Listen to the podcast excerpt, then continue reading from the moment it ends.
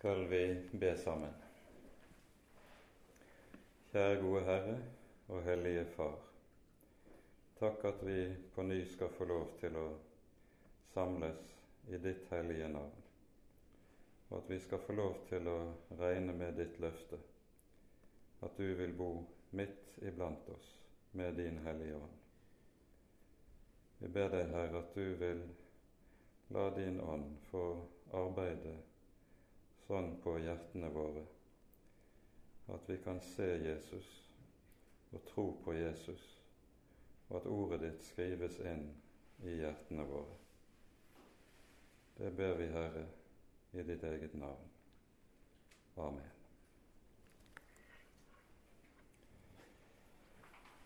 Sist gang talte vi altså sammen om eh, pinsedagen og hva det egentlig er som skjer denne dagen, i lys av den bakgrunnen vi har for eh, det som skjer i Det gamle testamentet.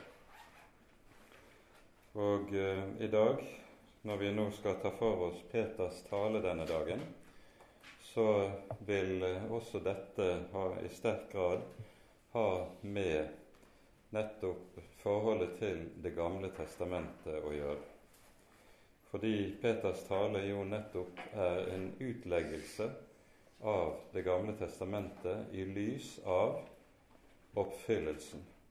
Det at Jesus har oppfylt løftet.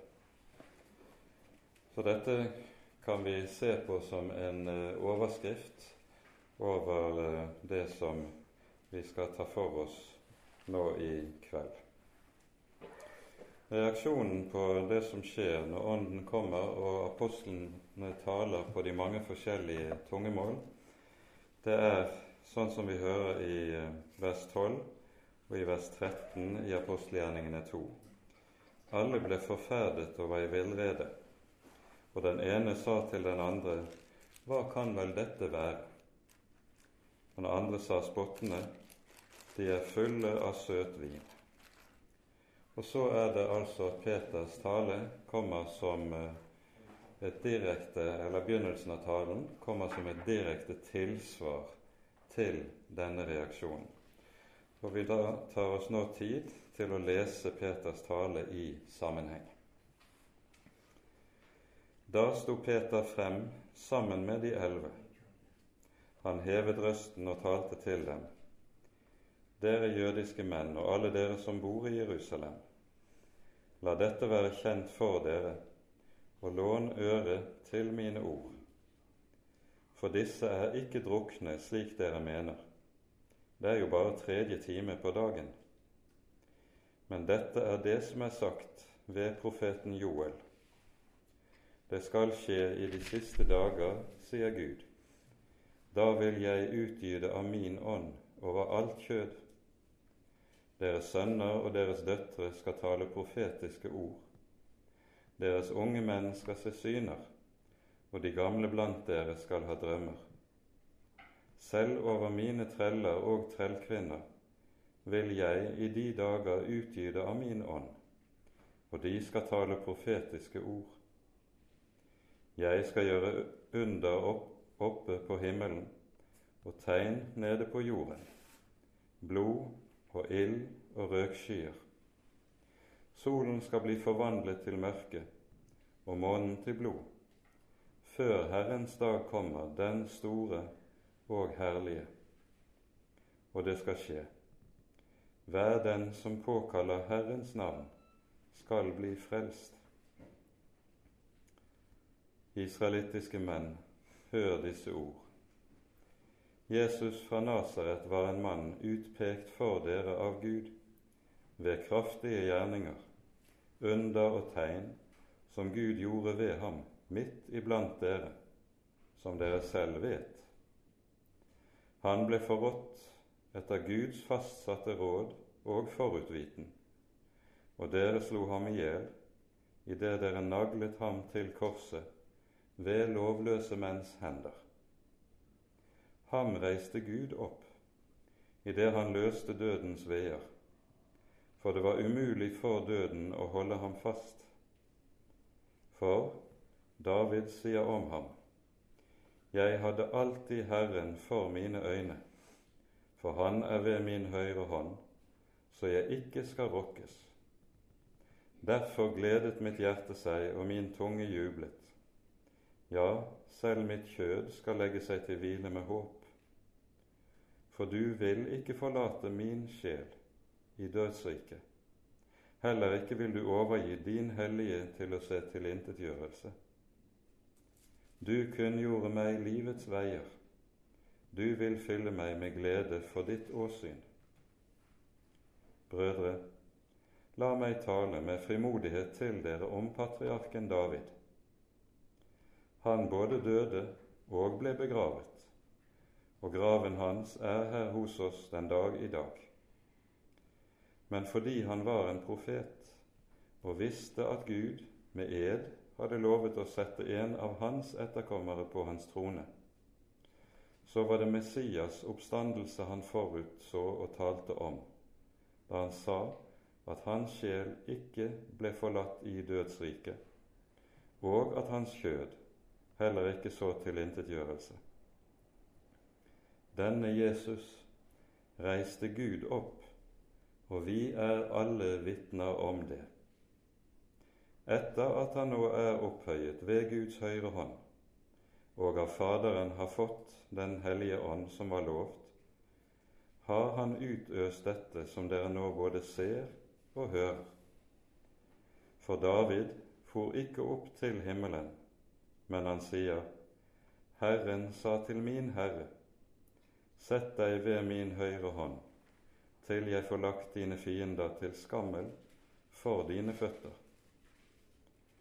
Så skal da hele Israels folk vite for visst at Gud har gjort ham både til Herre og til Messias, denne Jesus som dere korsfestet. Og så hører vi at Peters tale stikker tilhørende i hjertet. Det som er iøynefallende med denne Peters tale Vi har lest den, den tar drøyt fem minutter å lese høyt. Det er jo at for det første så er denne, det som vi her leser i apostelgjerningene 2, det er vel rimeligvis bare et referat, et konsentrert referat av talen. Selve talen har nok antagelig uh, vart eller vært adskillig lenger enn dette. Men det iøynefallende med den er at det er tre gammeltestamentlige tekster som Peter lar sin tale kretse omkring. Først Joel kapittel 3, de fem første vers. Dernest fra Salme 16, og så til slutt Salme 110. Det er de tre hovedtekstene som Peter anvender i eh, talen sin.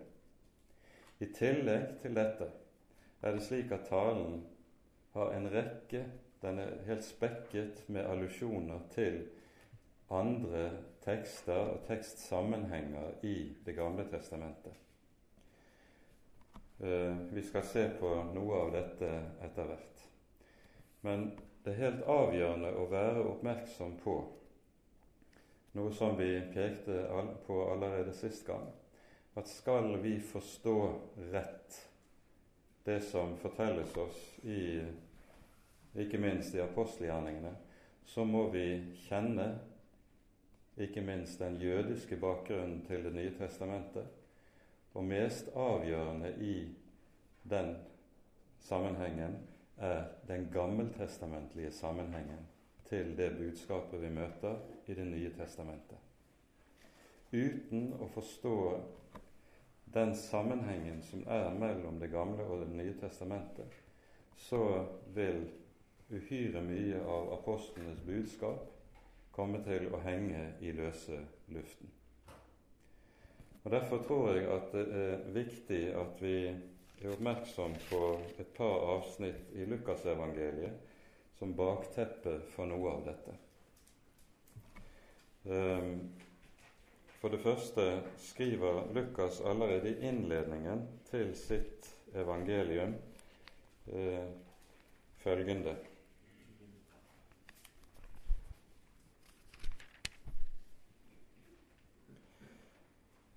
I vers 1 i det første kapittelet forteller Lukas om hvordan det er mange som har satt seg for å skrive en beretning om eh, eh, Jesu liv og gjerning.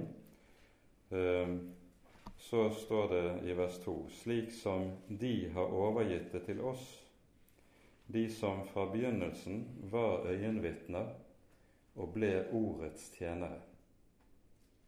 Det vi legger merke til, er at Lukas her knytter sammen to ting. De er øyenvitner, og de er ordets tjenere. De to tingene hører uløselig sammen. Og Det innebærer også at det vitnesbyrd som vi hører fra apostlene i Det nye testamentet, er ikke blott og bart øyenvitneskildringer, men det er øyenvitneskildringer i lys av at Guds ord og løfte fra Det gamle testamentet er gått i oppfyllelse. Og på den måten så blir øyenvitnene ordets tjenere med sitt øyenvitnesbyrd. Og Da må vi også minne om ordene i Lukasevangeliets 24. kapittel. Det er jo slik i oppstandelseskapitlet i Lukas 24 at her er det en hovedsak det at Jesus fører sine disipler inn i Det gamle testamentet og viser hvorledes nettopp hans død og oppstandelse er oppfyllelse av Skriftene. Til Emmausvandrerne, som er dypt forvirret etter korsfestelsen og etter at de har hørt rykte om oppstandelsen, sier Jesus, dere dårer og senhjertede til å tro alt det profetene har talt. Jesus sier med andre ord, når han kommer med denne bebreidelsen til Emmausvandrerne, at årsaken til at de ikke forstår hemmeligheten med korset, hemmeligheten med oppstandelsen, det er at de ikke forstår Skriften. Han bebreider dem deres forhold til Det gamle testamentet. Derfor er det de ikke forstår og så er de så i villrede som de er. Og Nettopp denne tematikken fortsetter så Jesus eh, å eh, spinne på videre når vi kommer til slutten av det 24. kapittelet i Lukasevangeliet. Her er disiplene inne bak stengte dører på påskedagen, og så kommer Jesus til dem åpenbarer seg for dem, viser seg for dem, og så står det i vers 44. Så sa han til dem, Dette er mine ord, som jeg talte til dere mens jeg enda var hos dere, at alt det måtte oppfylles som er skrevet om meg i Moselov og profetene og salmene. Denne formuleringen som vi her leser, når Jesus sier 'Dette er mine ord som jeg talte til dere mens jeg enda var hos dere', det innebærer at Jesus her sier, om vi skulle sagt det på vår måte, dersom jeg skulle sammenfatte min undervisning av dere i de tre årene vi har vært sammen i en kort sum, så består den i følgende. Alt det måtte oppfylles som står skrevet i Moselov og profetene og salmene om meg. Altså Jesus, når han vil sammenfatte hele sin undervisning, så sier han at hans undervisning har ikke vært noe annet enn undervisning i Det gamle testamentet. Og at i ham oppfylles dette som allerede er skrevet og forutsagt i løftene i den gamle pakts hellige skrifter. Det er med andre ord slik at Jesus sier uttrykkelig han kommer ikke med noe nytt i forhold til Det gamle testamentet. Han oppfyller Det gamle testamentet, men han kommer ikke med noe nytt i forhold til Det gamle testamentet. Og så fortsetter det vi så leser slik. Da åpnet han deres forstand, så de kunne forstå Skriftene. Og Nettopp dette er hemmeligheten med den nytestamentlige forkynnelse.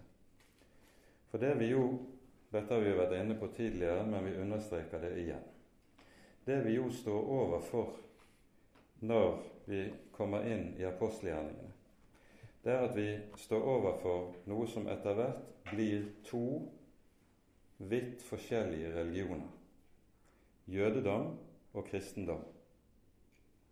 Men disse to religioner har den samme hellige skrift. Vi skal huske på at de første kristne hadde ikke Det nye testamentet. Den hellige skrift som de første kristne hadde, det var Det gamle testamentet. Og de forkynte budskapet om Jesus ut fra Det gamle testamentet, slik Peter gjør på pinsedagen. Og så kan vi stille spørsmålet hva er det som gjør at du kan få to ulike religioner som har den samme hellige skrift? Jo, årsaken ligger nettopp i dette at for apostlene så har Jesus åpnet Skriftene. Og Det innebærer at de leser de hellige skrifter i Det gamle testamentet på en helt annen måte enn det som skjer i jødedommen. Og Dermed så får du to veier som etter hvert skilles og kommer til å etter hvert være meget, meget langt fra hverandre.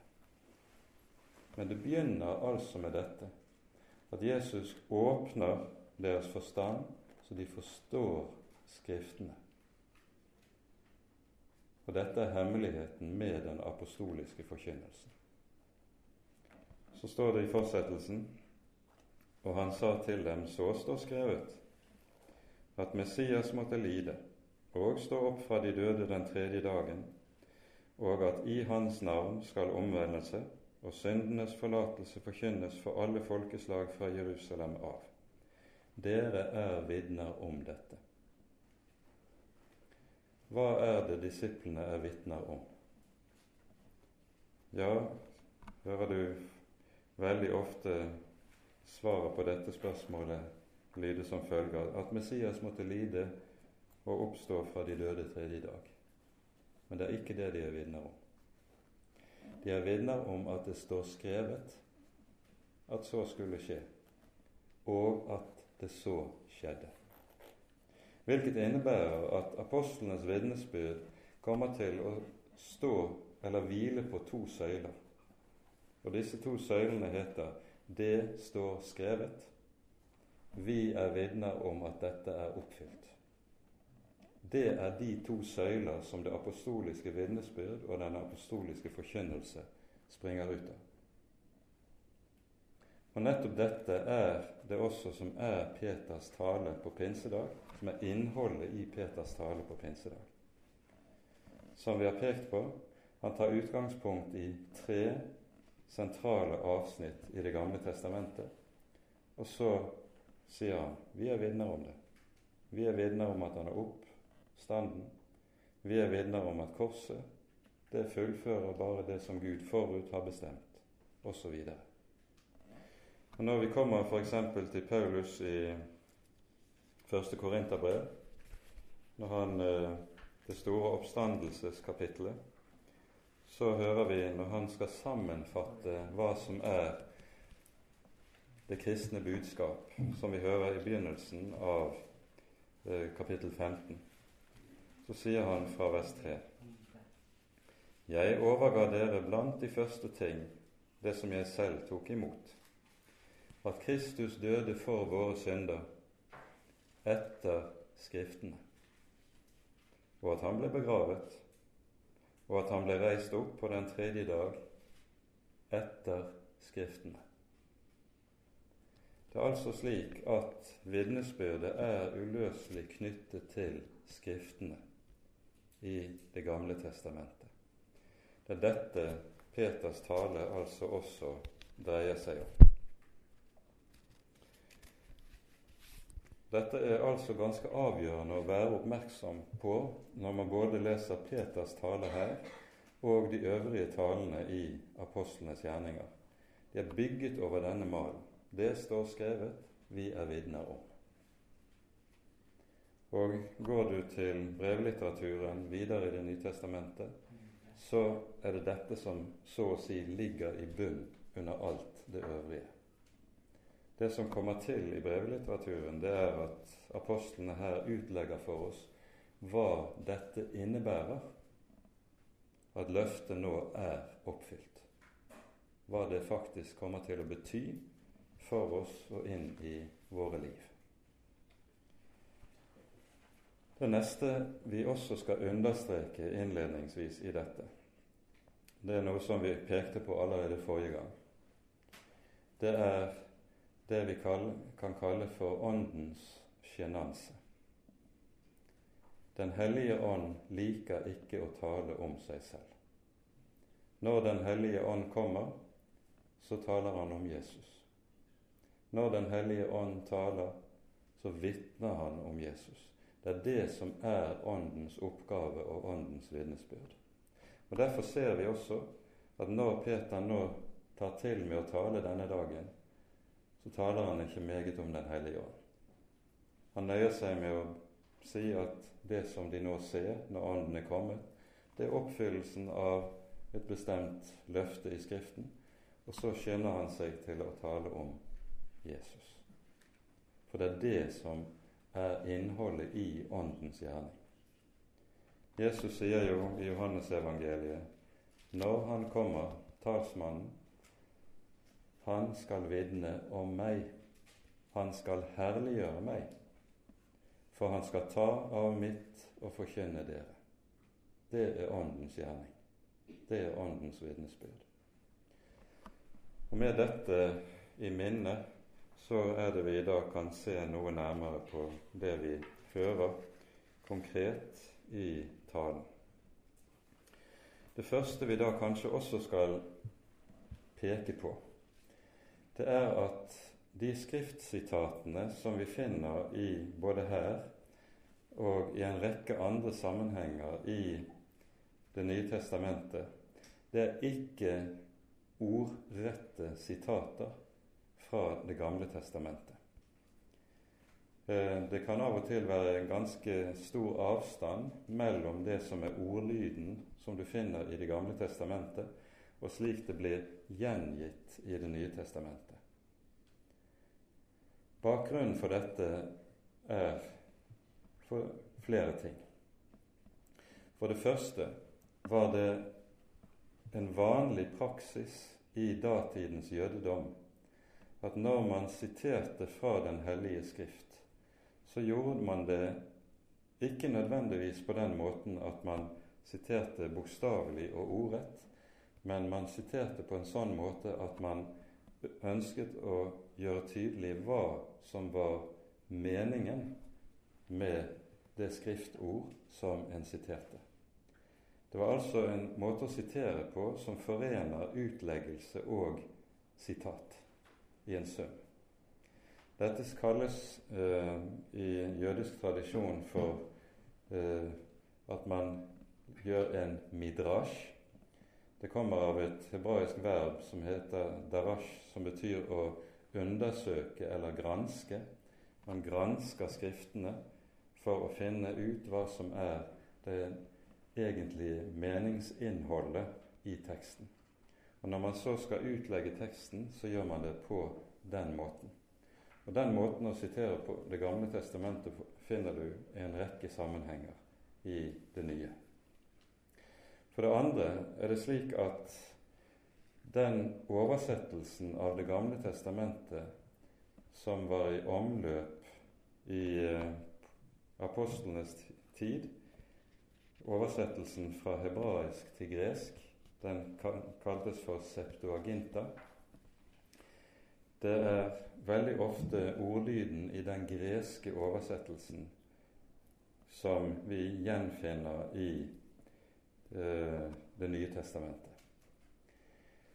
Og Denne septuaginta-oversettelsen av Det gamle testamentet den er ofte ganske fri i forhold til den gammeltestamentlige teksten, eller den hebraiske teksten, som vi kjenner.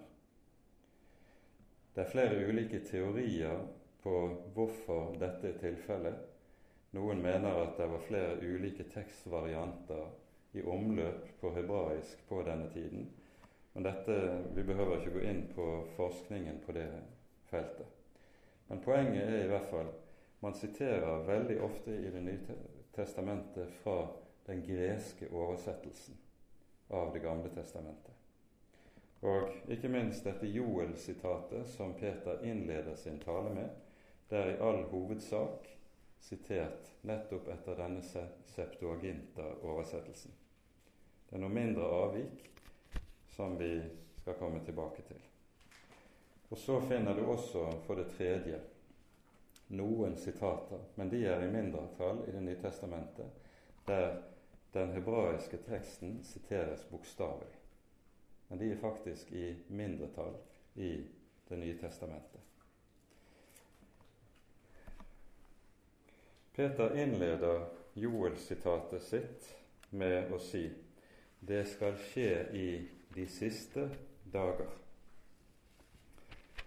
Nettopp denne innledende satsen 'det skal skje i de siste dager' står ikke i Joel-teksten, men er føyet inn av Peter på bakgrunn av at han leser sammen flere tekster i Det gamle testamentet.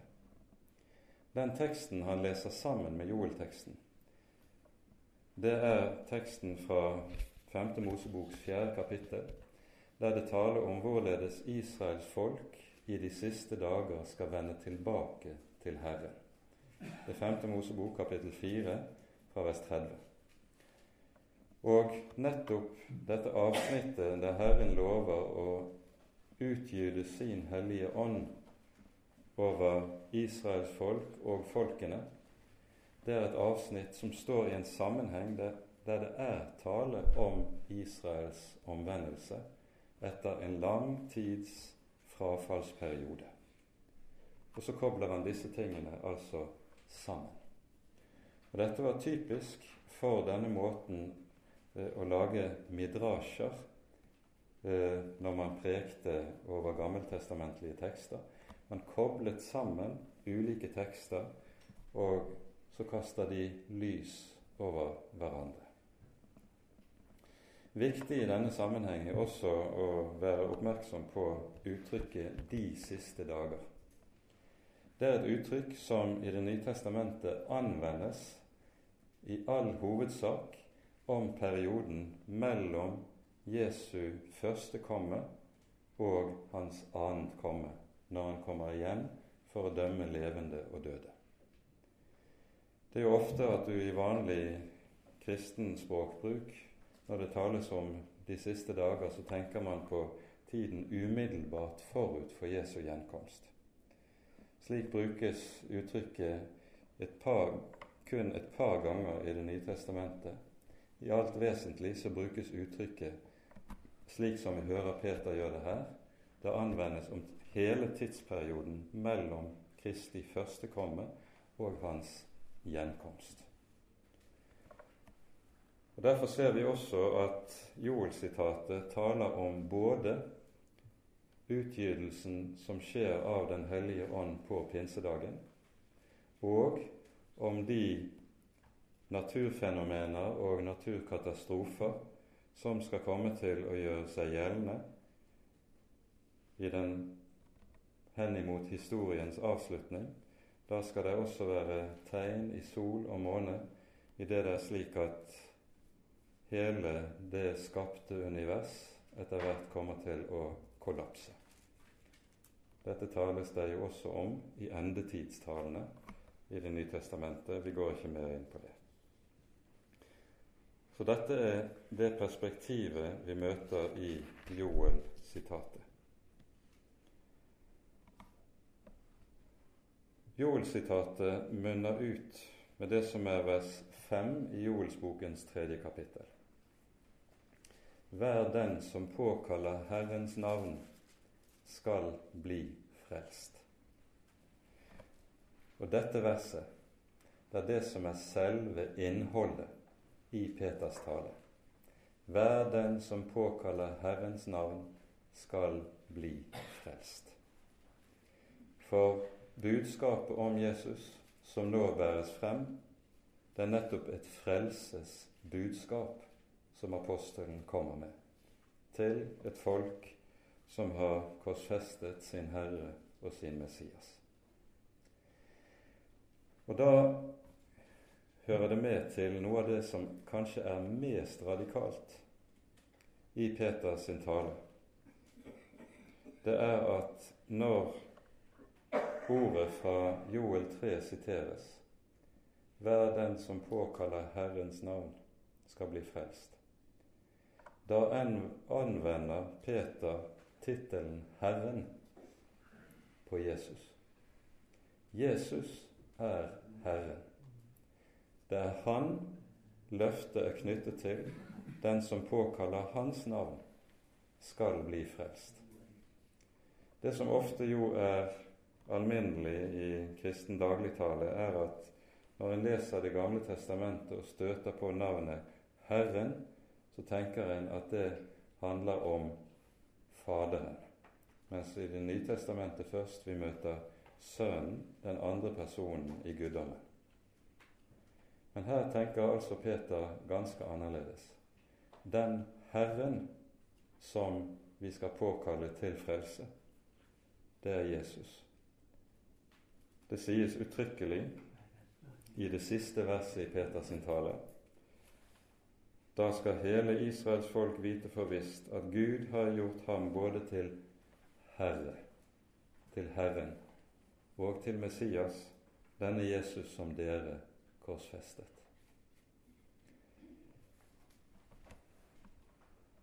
Det innebærer også at For dette har helt gjennomgripende følger for hvorledes den kristne menighet leste Det gamle testamentet. Dette innebar nemlig at når de kristne leste Det gamle testamentet og støtte på det hellige Guds navnet, Herren, så leste de dette konsekvent som noe som siktet til Jesus. Det er Kristi person før han kommer i kjøtt og blod, som åpenbarer seg som Herren i Det gamle testamentet. Det er det som er tankegangen.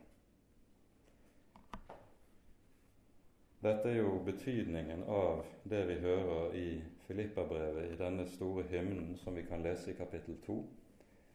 Derfor har også Gud høyt opphøyet ham og gitt ham det navn som er over alle navn, for at hvert kne skal bøye seg, dere som er i himmelen og på jorden og under jorden, og hver tunge bekjenne at Jesus Kristus er Herren, til Gud Faders ære.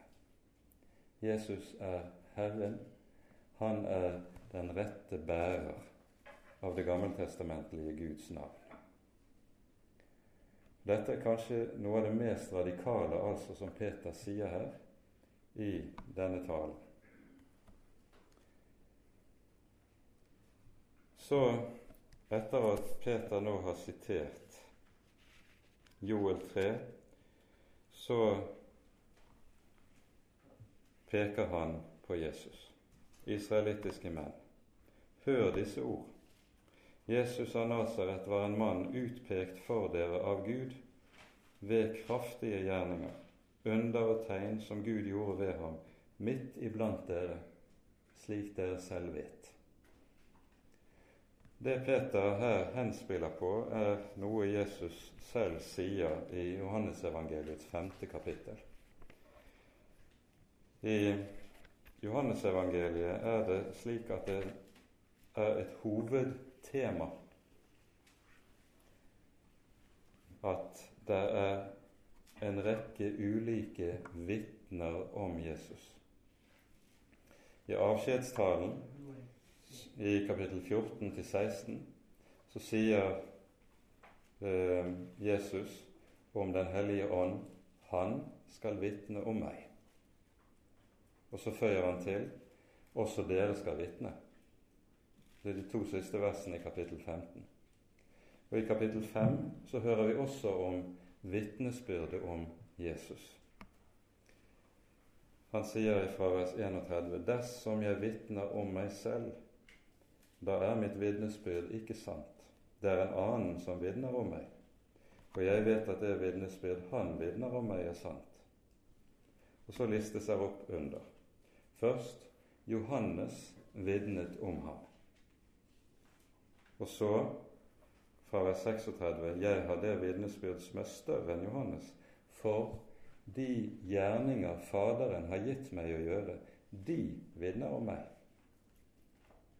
Hvorfor vitner disse gjerninger om Jesus? Tegn og under er i seg selv aldri noe som er entydige vitnesbyrd.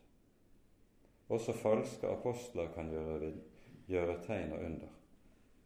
Det taler Bibelen også om når den advarer oss. Men hvorfor er disse tegn og undergjerninger noe som vitner om at Faderen har sendt Jesus? Jo, det er fordi disse tegn og under vitner klart om at her er Han som oppfyller Skriftene. Dette ser vi veldig tydelig i, eh, når vi hører om døperen Johannes som sitter i fengsel og sender bud til Jesus og spør er du den som skal komme, eller skal vi vente en annen? Og så sender han døperens disipler tilbake med ordene Gå og fortell Johannes det dere hører og ser. Blinde ser, døve hører, spedalske renses, døve står opp, og evangeliet forkynnes for fattige. Poenget med dette er at her viser Jesus seg som den som oppfyller løftene i Den hellige skrift. Og Derfor er disse gjerninger noe som vitner om Jesus, at han er den som er utsendt av Faderen.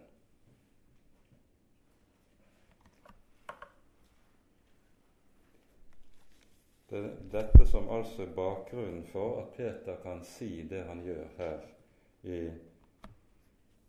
dette vers 22 i talen. Han ble forrådt, fortsetter han så, etter Guds fastsatte råd og forutviten, og dere slo ham i hjel, idet dere naglet ham til korset ved lovløse menns hender. Ham reiste Gud opp idet han løste dødens veier, for det var umulig for døden å holde ham fast. Den teksten i Det gamle testamentet som her ligger bak det som Peter taler, om, det er beretningen vi hører om Josef i Første Mosebok.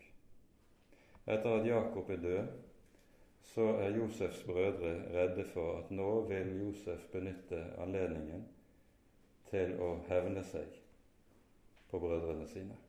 Og så sender de bud til Josef og sier, 'Tilgi oss det onde vi har gjort imot deg'. Det står at Josef begynte å gråte da han hørte dette. Og så senere kommer de og kaster seg ned for Josef og med den samme bønn 'Tilgi oss'. Og så svarer Josef, 'Er vel jeg i Guds sted?' Dere tenkte ondt imot meg, men Gud tenkte det til det gode. Altså, her skjer det forunderlige at menneskers ondskap tjener Guds råd, som blir til frelse og til liv for mennesker. Og nøyaktig det samme er det som skjer i forbindelse med Jesu død. Det var menneskelig ondskap som hang Jesus på korset. Mennesket tenkte det til det onde, men Gud tenkte det til det gode, til frelse. Det er også sånn at i vers 24 så møter vi et uttrykk som går tilbake til Salme 116, der David ber Jeg elsker Herren for han har fridd min sjel fra døden. han løst meg fra dødens veer, sies det i innledningen til salmen. Dette uttrykket anvender altså Peter her, og det er nok ikke tilfeldig, fordi salmene fra salme 113 til og med salme 118 de ble sunget i tempelet under pinsehøytiden, like som de ble det på alle de tre store høytidene i helligdommen. Så folket har vært i tempelet, har hørt denne salmen sunget, og så hører vi Peter liksom som et ekko gjenta noe av dette som har lydd og vært sunget av folket selv når de var samlet i helligdommen. For det var umulig for døden å holde ham fast. Hvordan kan Peter si det? Det har sin grunn først og fremst i det løftet som er gitt i Moseloven, der Gud sier, tilknyttet til sine bud i Den hellige lov Vær den som gjør dette etter alle disse ord, han skal leve. Jesus har løftet om livet fordi han aldri på noe felt, på noe område, brøt Guds hellige lov. Han oppfylte loven til punkt og prikke og er derfor den som er den syndfrie. Og derfor, fordi han er den syndfrie, han er den syndfrie som menneske. Det er jo som menneske han overvinner synden. Det er som menneske han overvinner djevelens fristelse i ørkenen. Det er som menneske han står frem som syndfri. Og Derfor er det også som menneske han har rett til livet etter Guds eget ord. Vær den som gjør etter alle disse ord i denne lov, han skal leve. Og Derfor står det også det var umulig at døden kunne holde ham fast. Og nettopp dette, det er så oppfyllelse av ordene som vi så leser i Salme 16, som så det kommer et sitat ifra. En salme der David, Davids ord går langt utover det som var mulig kunne skje i Davids egen person. Peter sier, kommenterer salmen på følgende måte, som vi leser fra vers 29. Brødre, la meg tale med frimodighet til dere om patriarken David han både døde og ble begravet, og graven hans er hos oss den dag i dag. Etter jødisk tradisjon så døde David nettopp på pinsedagen, denne dagen som når Ånden er utgitt. Og eh, på Jesu og apostlenes tid så fantes Davids grav fortsatt i Jerusalem. Den ble antagelig rasert sammen med alt annet i byen i år 135 under den andre jødiske oppstanden, når romerne på ny inntar byen og da legger absolutt alt i grus. Da blir også Davids grav borte.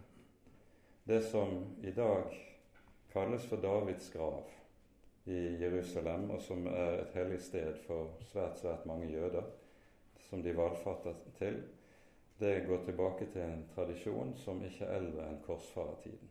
Det er på korsfarertiden man etablerte dette som i dag kalles for Davids grav, men det er ikke historisk der David var begravet. Men det har jo for så vidt ingen betydning for dette. Det som er viktig her, er å legge merke til at Peter nå kaller David for patriark. Det er det eneste stedet i Det nye testamentet at David kalles for med en sånn benevnelse. Ellers i Bibelen er det jo bare tre personer som kalles patriarker. Det er Abraham, Isak og Jakob. Men her kalles altså også David for patriark.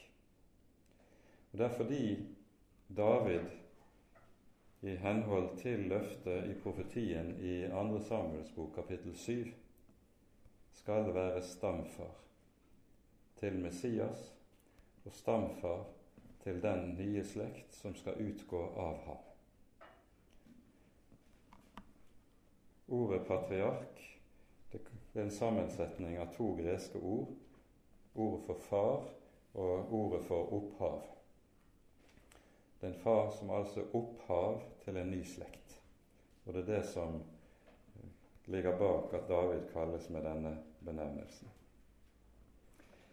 Fordi han var en profet og visste at Gud med ed hadde lovet å sette en av hans etterkommere på hans trone, så var det Messias oppstandelse han forutså og talte om da han sa at hans sjel ikke ble forlatt i dødsriket, og at hans kjød ikke skulle se til intetgjørelse. Og Her er det en rekke tekster, helt sentrale i Det gamle testamentet, som ligger bak. Hovedteksten finner vi i 2. Samuels bok, 7. kapittel, der profeten Natan kommer til David med løfte om at i Davids slekt skal det en dag fødes en konge som skal trone i all evighet, hvis kongedømmet ikke skal ha ende, og som skal regjere i rettferdighet og fred. Og Nettopp dette løftet i 2. Samuels bok 7 det kommer til å bli eh, grunnlaget for all senere Messias-profeti i Det gamle testamentet. Ikke minst mye av det som vi leser i Salmenes bok. Salme 2, Salme 72, Salme 89, Salme 110, Salme 132. De går alle, også Salme 45, de går alle tilbake til og bygger på denne Natan-profetien i 2. Samuel 7. Det blir ikke tid å gå inn på dette i denne sammenheng. Men ordene som Peter anvender her, de er ordlydende hentet fra Salme 132, vers 11. Vi behøver ikke å slå opp og lese. Så fortsetter Peter med å si følgende.: Denne Jesus reiste Gud opp, og vi er alle vitner om dette. Dette at disiplene er øyenvitner om oppstandelsen, det er noe av det som er det bærende i Det nye testamentet. Og som eh, jo Når Paulus skriver om dette i 1. Korinterbrev, kapittel 15, så taler han om dette som det som kristen tro står og faller med. Dersom Kristus ikke er stått opp fra de døde, da er vår tro intet. Da er dere døde i deres synder skriver Paulus. Da det forgjeves alt sammen. For her er det tale om en legemlig oppstandelse. Kroppen ligger ikke i graven. Det døde lik er blitt levende igjen og stått opp igjen i herlighet. Og det er dette disiplene er vitner om. Og så er det hele den apostoliske frimodighet henger sammen med dette vitnesbyrd. Når de senere ikke frykter for døden og martyriet i møte med forfølgelsen pga. dette vitnesbyrdet, så er det jo en frimodighet som hviler i dette. Døden er ikke det siste. Jesus har stått opp. Vi eier håpet, løftet om at vi også skal oppstå med ham. Og derfor er døden ikke farlig. Det eneste som er farlig, det er å komme bort fra Jesus. Det er det som er farlig. Er man hos Jesus, så er dypest sett intet annet virkelig farlig.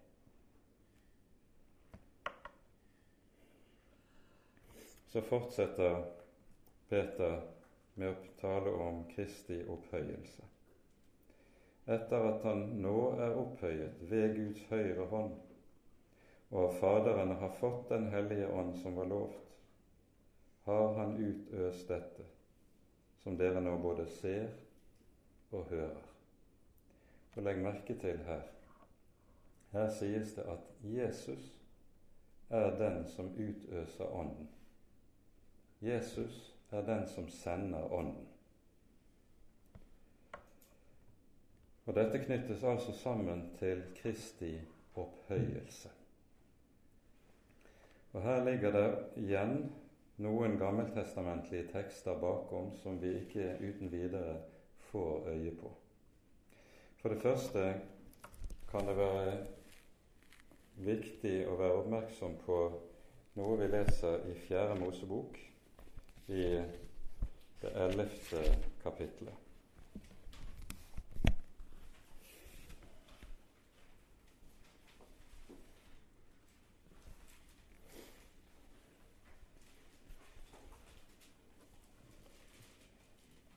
Her er det sånn at det er utpekt 70 eldste i Israel som skal være medhjelpere for Moses i tjenesten for folket under ørkenvandringen. Og så står det, vi leser fra vers 24 Så gikk Moses ut og kunngjorde Herrens ord for folket, og han samlet 70 menn av folkets eldste og lot dem stille seg omkring teltet. Da steg Herren ned i skyen og talte til ham. Og han tok av den ånd som var over ham, altså over Moses, og la den på de 70 eldste. Og, det skjedde da ånden hvilte over dem. Da talte de profetiske ord, men siden gjorde de det ikke mer. Her er poenget med det Peter sier i apostelgjerningene 2, det at Herren tar av den ånd som er over Jesus, og deler ut til Herrens folk. Dette er noe som vi hører et spesifikt løfte om i Jesaja-boken i det 59. kapittelet. Vi tar oss også tid til å lese dette. Dette her står det uttrykkelig i løftet om den kommende Messias. Jesaja 59 fra vers 20. Det skal komme en gjenløser for Sion, og for dem som omvender seg fra overtredelse i Jakob, sier Herren.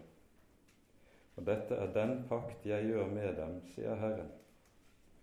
Min ånd som er over deg, og mine ord som jeg har lagt i din munn, de skal ikke vike fra din munn eller fra dine eller dine barns munn eller dine barnebarns munn, sier Herren, fra nå av og inntil evig tid.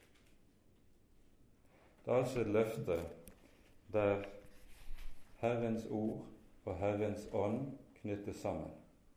Det ord som var i Kristi munn, den ånd som hvilte over Kristi person, dette er det som også skal hvile over hans menighet her i tiden. Og det er det løftet som sies her. Og så tar Herren av den ånd som var over Sønnen, og deler ut til sitt folk, for at de skal kjenne Sønnen, for at de skal bli frelst. For intet menneske kan bli frelst uten at Den hellige ånd gjør sin gjerning. Dette er nemlig ikke menneskeverk.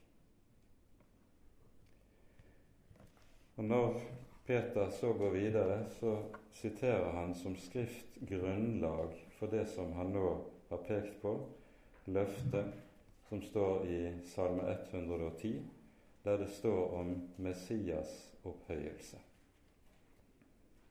Herren sa til min Herre, sett deg ved min høyre hånd, til jeg får lagt dine fiender til skammen for dine føtter.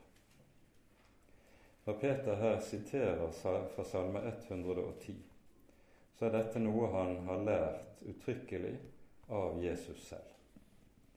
Vi hører nemlig i Matteusevangeliets 22. kapittel eh, avslutningen på et kapittel som handler om så å si de siste sammenstøtene som Jesus har med de religiøse lederne i det jødiske folk. De kommer med det ene spørsmålet til ham etter det andre der de prøver å sette Jesus fast. Og Jesus svarer på en måte som gjør at den ene etter den andre av de blir til skamme. Og til slutt så er det ingen som tør å spørre han om noe lenger. Og så er det Jesus nå i stedet spør dem. Og Vi leser i Matteus 22 fra vers 41. Mens fariseerne var samlet, spurte Jesus dem hva mener dere om Messias? Hvem er hans sønn av? De sier til ham, av David. Han sier til dem, hvordan kan da David i ånden kalle ham herre? Han sier jo, Herren sa til min Herre, sett deg ved min høyre hånd, til jeg får lagt dine fiender til skammel for dine føtter. Når David da kaller han Herre, hvordan kan han da være hans sønn? Og ingen var i stand til å svare ham ett ord, heller ikke våget noen å spørre ham mer fra den dagen. Det som er poenget i Jesus' spørsmål her, hvordan kan David kalle ham herre dersom han er Davids sønn?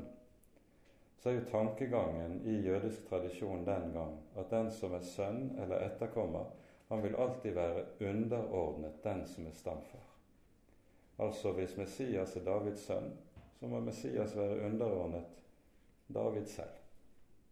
Og Så kommer selvfølgelig da spørsmålet hvordan kan David da kalle ham herre?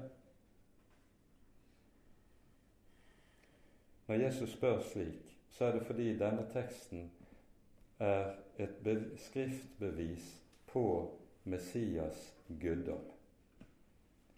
Etter kjødet er Messias Jesus kommet av Davids ett. Etter hellighetsånd så er han Guds sønn kommet i velde. Han er Gud kommet i vårt kjøtt og blod. Derfor må David kalle ham Herre, for han er ikke blott og bart menneske, han er Gud. Og så blir dette et helt sentralt skriftbevis nettopp på Messias guddom i den eldste kristne tid. Og Her er det det også kommer til å bli stadige konfrontasjoner mellom den troende kristne menighet og jødedommen, som overhodet ikke under noen vilkår vil godta at Messias er guddommelig. I jødisk tradisjon er og blir han betraktet som blått og bart menneske. Og Dermed så munner Peters tale ut i disse ordene som vi hører i vers 36. Så skal da hele Israels folk vite for visst at Gud har gjort ham både til Herre han er Herren, han er Gud av evighet. Han er Israels Gud, og han er Messias, denne Jesus som dere korsfestet.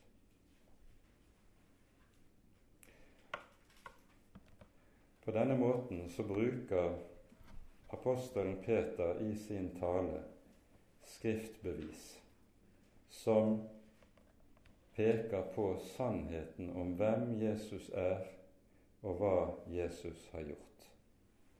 Og skriftbeviset er det som virker også overbevisning hos dem som hører det.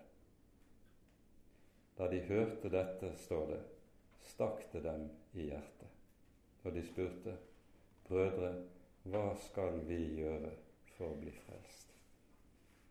Og i dette ser vi Åndens gjerning og Åndens verk. For Jesus har selv sagt om Den hellige ånd, som vi hører i Johannes 16, når Han kommer, sannhetens ånd, skal Han overbevise. Han skal overbevise verden om synd, om rettferdighet og om dom. Det som skjer når de får dette stikket i hjertet, det er at Ånden har skapt overbevisning om synd. Ånden har skapt med det dette spørsmålet, som er det mest avgjørende spørsmål et menneske kan stille. Hvordan kan jeg bli frelst? Hvordan kan jeg bli frelst? Og Peter svarer meget enkelt Omvend dere, og enhver av dere la dere døpe på Jesu Kristi navn, til syndenes forlatelse. Så skal dere få Den hellige ånds gave. For løftet hører dere til og deres barn, og alle dem som er langt borte, så mange som Herren vår Gud kaller til. Og så legges det denne dagen 3000 til og den første kristne menighet er skapt. På pinsedagen ved at Ånden og Ordet gjør sin gjerning i hjertene. Og Med det setter vi punktum for dagens bibeltime. Ære være Faderen og Sønnen og Den hellige ånd, som var og er og være skal, en sann Gud, høylovet i evighet. Amen.